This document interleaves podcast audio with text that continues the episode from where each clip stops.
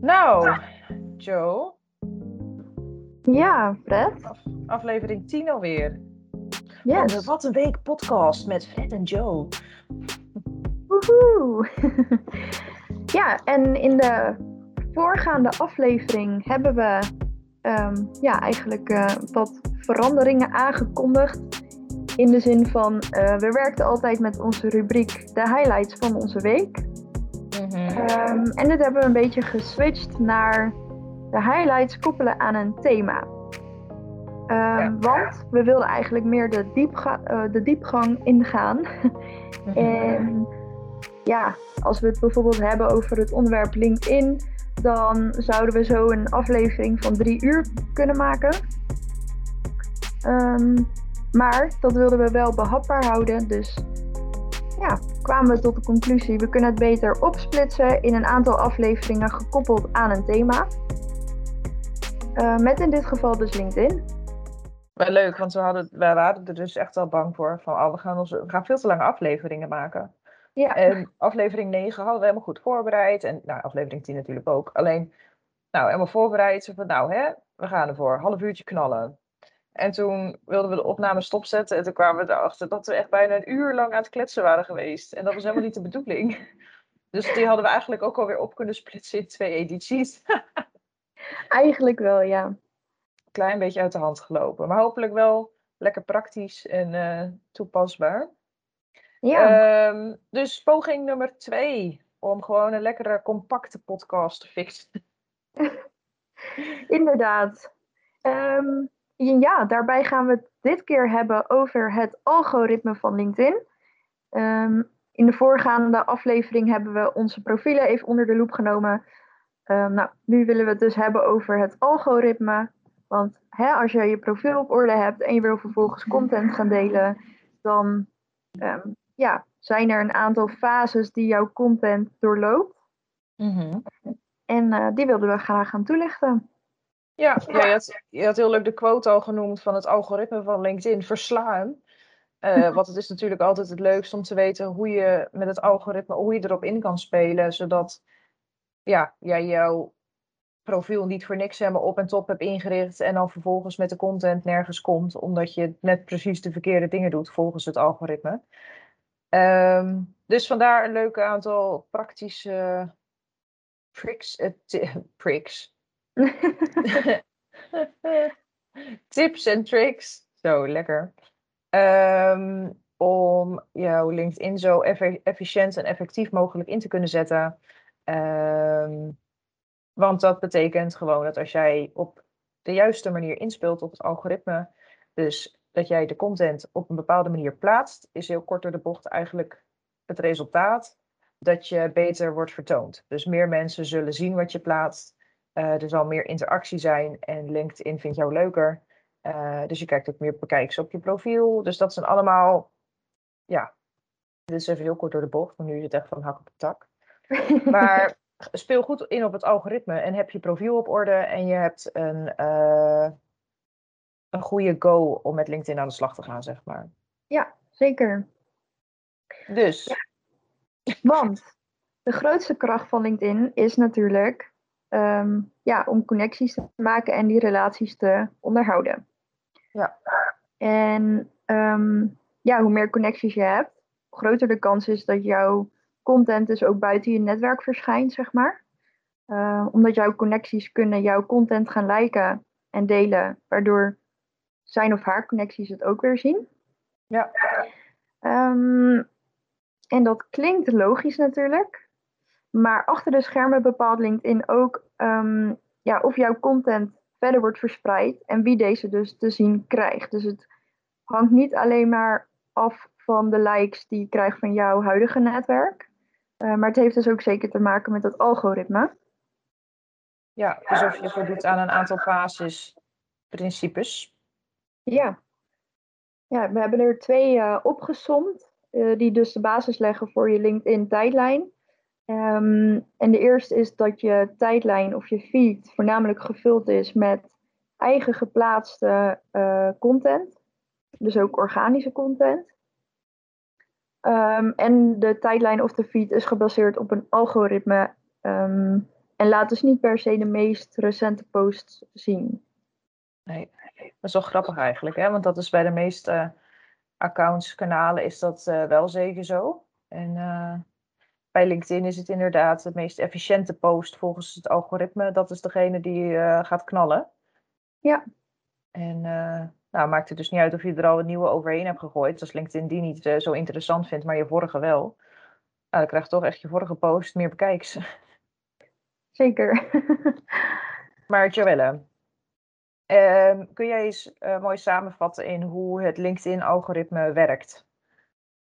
Kun jij eens een hapklare blokken vertellen?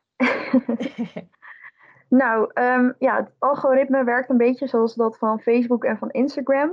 Um, dus het platform stuurt eigenlijk op content um, die relevant zou zijn voor jou en die je dus waarschijnlijk het meest interessant vindt.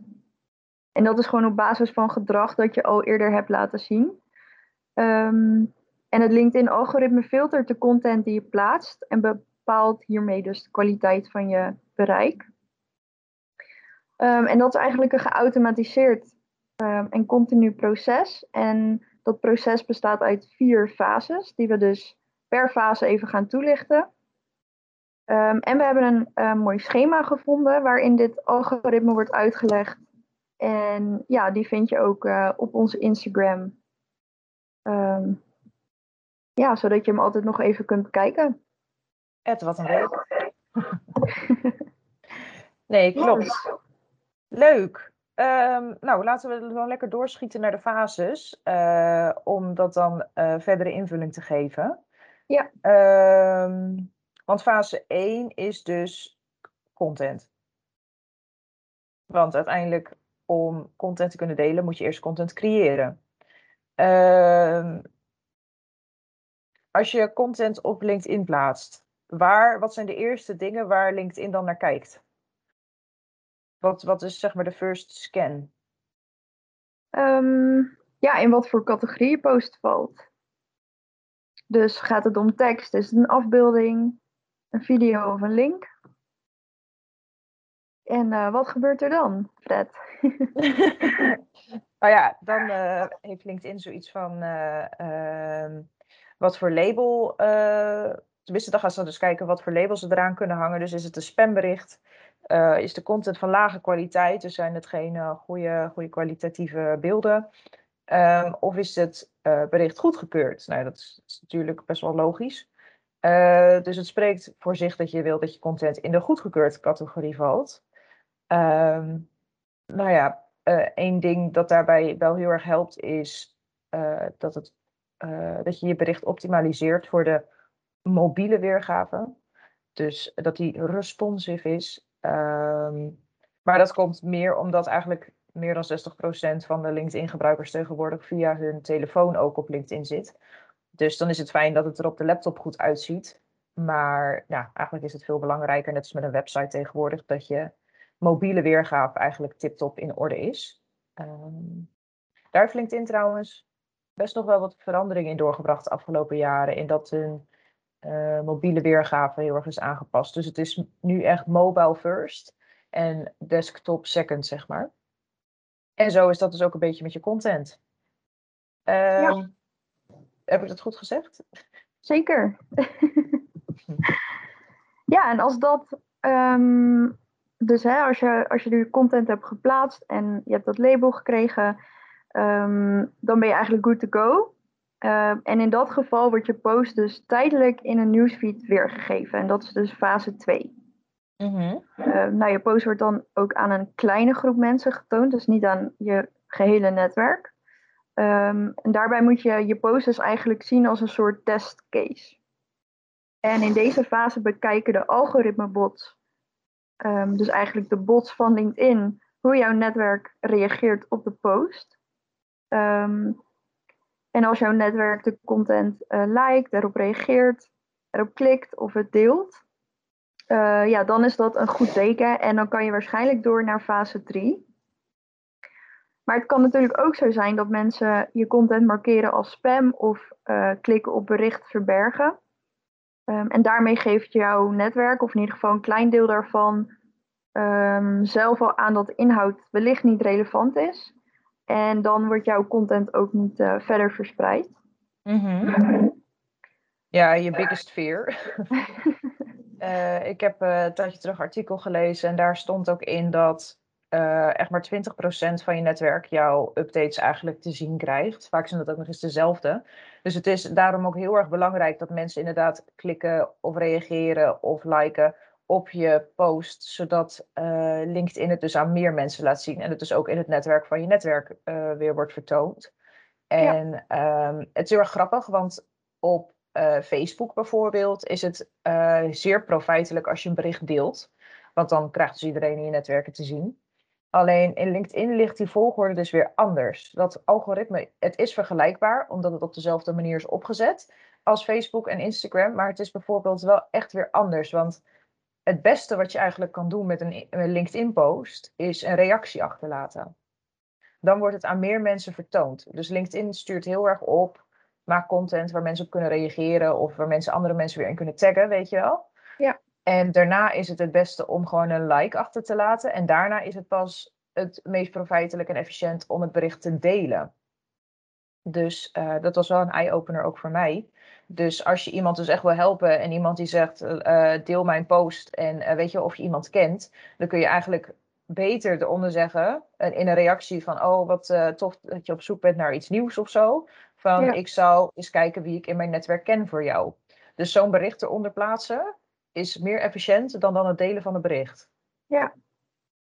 En dan is het ook nog weer profijtelijk en voor jou en voor, voor degene die bericht plaatst en dus weer voor het netwerk van de ander. Want nou ja, dat, uh, als het elke keer 20% in een nieuw netwerk is, zien uiteindelijk veel meer mensen jouw content. Ja. Ja, daarmee dus. heb je denk ik fase 3 eigenlijk al wel toegelicht. Oh echt? Ben ik alweer... Uh... Oh ja. Ja, want bij fase 3, dus hè, je, je content is geplaatst. Nou, vervolgens wordt het dus in een klein deel um, getoond. Een klein deel van je netwerk. Um, en als zij daar dus op lijken reageren, dan wordt er vervolgens gekeken naar de kwaliteit van je content, naar je profiel en ook naar je eerdere posts. Um, en het algoritme besluit op basis daarvan van oké, okay, kan jouw content nog langer mee? En laten we het dan nog meer mensen zien of niet? En als je dus zo'n voorbeeld uh, als die jij geeft erbij pakt, Fred, van nou, mm-hmm. je reageert bijvoorbeeld um, op die manier op een post van iemand, ja, dan is dat inderdaad profijtelijk voor jezelf, maar ook zeker voor die ander, want de post zal dan waarschijnlijk langer meegaan. Ja. Ja, wat er meer gebeurt, hoe meer LinkedIn denkt van, oh, mensen vinden dit echt interessant en het reageren en het liken waard.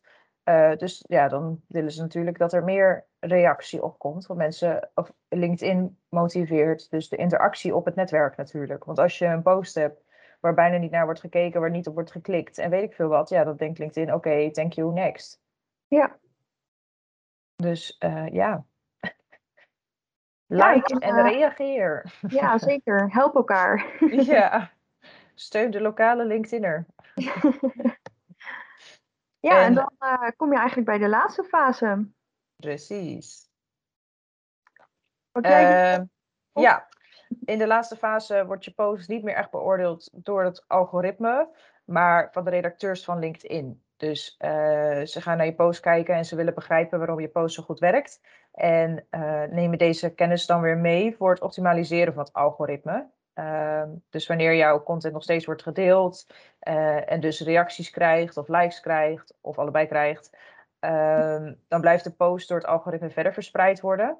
Um, en hierdoor kan het zijn dat je soms posts in je tijdlijn ziet die al weken oud zijn. Um, maar voor LinkedIn maakt dat dus niet uit, uh, zolang het voor jou op het moment van vertoning maar relevante content is. Dus uh, ja, het spreekt eigenlijk wel redelijk voor zich, denk ik. Ja. Dus als jij hebt aangegeven in jouw gedrag op LinkedIn dat jij een bepaalde interesse hebt voor iets, en je hebt iemand binnen je netwerk, bijvoorbeeld iemand nieuw, en die heeft een paar weken geleden iets super relevants, dus voor jouw interessegebied weergegeven, dan kan het zomaar zijn dat jij nog weer dat bericht krijgt te zien van toen. Ja, zeker. Um, en op de, ik denk dat het dan leuk is dat we in de volgende editie van de, van de Wat een Week podcast veel meer ingaan ook op hoe ziet de content er dan uit. Uh, wat voor video's, wat voor foto's en dat soort dingen je dan weer het beste kan gebruiken. Want daar zit natuurlijk ook wel weer onderscheid in. Ehm, ja, en leuk om daarbij dan onze eigen profielen weer even als voorbeeld te gebruiken en te kijken welke posts bij ons wel of niet hebben gewerkt. Ja, en waarom wel of waarom niet? Ja. ja dat, nu ik er zo over nadenk, kan ik het antwoord al gelijk geven, maar dat wordt een cliffhanger. dus uh, de conclusie. Ja, Joelle, wat is de conclusie die jij hieruit trekt? Nou, um, kies bewust voor de content die je plaatst. Um, want jouw content doorloopt dus eigenlijk vier fases, mits je in fase 1 eigenlijk al direct een spam label krijgt natuurlijk. Mm -hmm. Dan word je gewoon helemaal niet meer getoond. Um, maar bekijk daarbij dus wat je doel is, wat je wil bereiken met je post en pas daarop je content aan. Um, wij zouden zelf zeggen dat er niet per se een goed of fout is, maar um, de kans is dus wel aanwezig dat jouw post meer of minder effectief is. Uh, en dat komt dus doordat jouw content die verschillende fases doorloopt en LinkedIn dus een check uitvoert. Um, betreft dus de effectiviteit van je post, maar ook natuurlijk de kwaliteit. Um, en op basis daarvan gaat het algoritme aan het werk. Dus ja, ik zou zeggen, hou deze fases in het achterhoofd bij het posten van content op LinkedIn. Um, ja, ja, LinkedIn. Uh, oh, sorry. nee, ga maar door. ja, LinkedIn vindt het heel erg prettig dat je content professioneel en inspirerend en behulpzaam is. En daar is LinkedIn, zeg maar, qua missievisie mede voor opgericht. Um, en zo wordt praktische waarde voor iemand zijn carrière, uh, relevantie voor de industrie en um, dat je een geloofwaardige, betrouwbare bron bent. Uh, dus, dus dat je bepaalde uh, kennis deelt, zeg maar, die, die betrouwbaar is, die waar is. En dat wordt door LinkedIn als heel belangrijk beschouwd. Um, en daarom ook best wel zwaar meegewogen bij de waardering van de content die je dus plaatst. Ja, ja.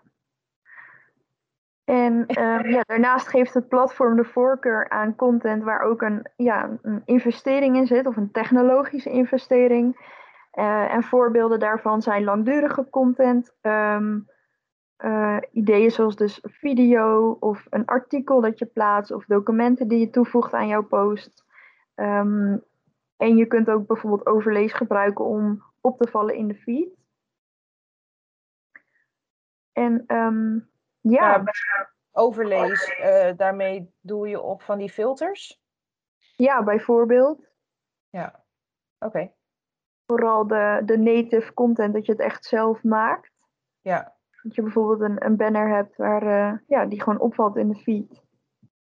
Dus waar je wel tijd en aandacht in uh, hebt ja, geïnvesteerd. Zie.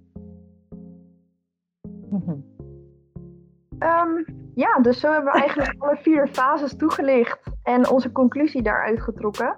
Ja, het is uh, redelijk kort door de bocht geweest natuurlijk, omdat we gewoon de meest praktische info wilden delen, omdat het anders één grote brei wordt.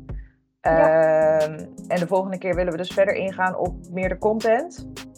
Maar ja, de vorige keer was onze tip: hou je LinkedIn-profiel ernaast. Want dan heb je voor je, zeg maar, waar we het over hebben. En dan kun je het aanpassen. En dan kun je daar dingen uithalen voor jezelf. Maar bij deze geldt dat een beetje voor onze post op Instagram. Van hou die er ook naast als we het hebben over die verschillende fases. Ja. Uh, want dan snap je ook beter wat er gebeurt en waar die pijltjes allemaal naartoe gaan. En dan zit er meer logica in het verhaal. Zeker, dus die, uh, ja, die kun je dan vinden op ons Instagram, apenstaartje wat een week. En daarmee sluiten we deze um, aflevering ook af. Um, dus heb je nog vragen of opmerkingen over het algoritme van LinkedIn of eventueel over andere zaken die we in de komende afleveringen mee kunnen nemen, uh, laat het ons gerust weten. Mm -hmm. Graag zelfs. Ja, en um, ja, nogmaals, we hebben onze LinkedIn-account ook um, toegevoegd aan de link in de bio op Instagram. dus ben je benieuwd uh, waar we het uh, over hebben, dan ja, zou je daar ook altijd nog een kijkje kunnen nemen. Daar kun je gluren. ja, en dan zijn we er volgende week weer met een nieuwe aflevering over LinkedIn. Woehoe. Nou, bye bye. bye bye.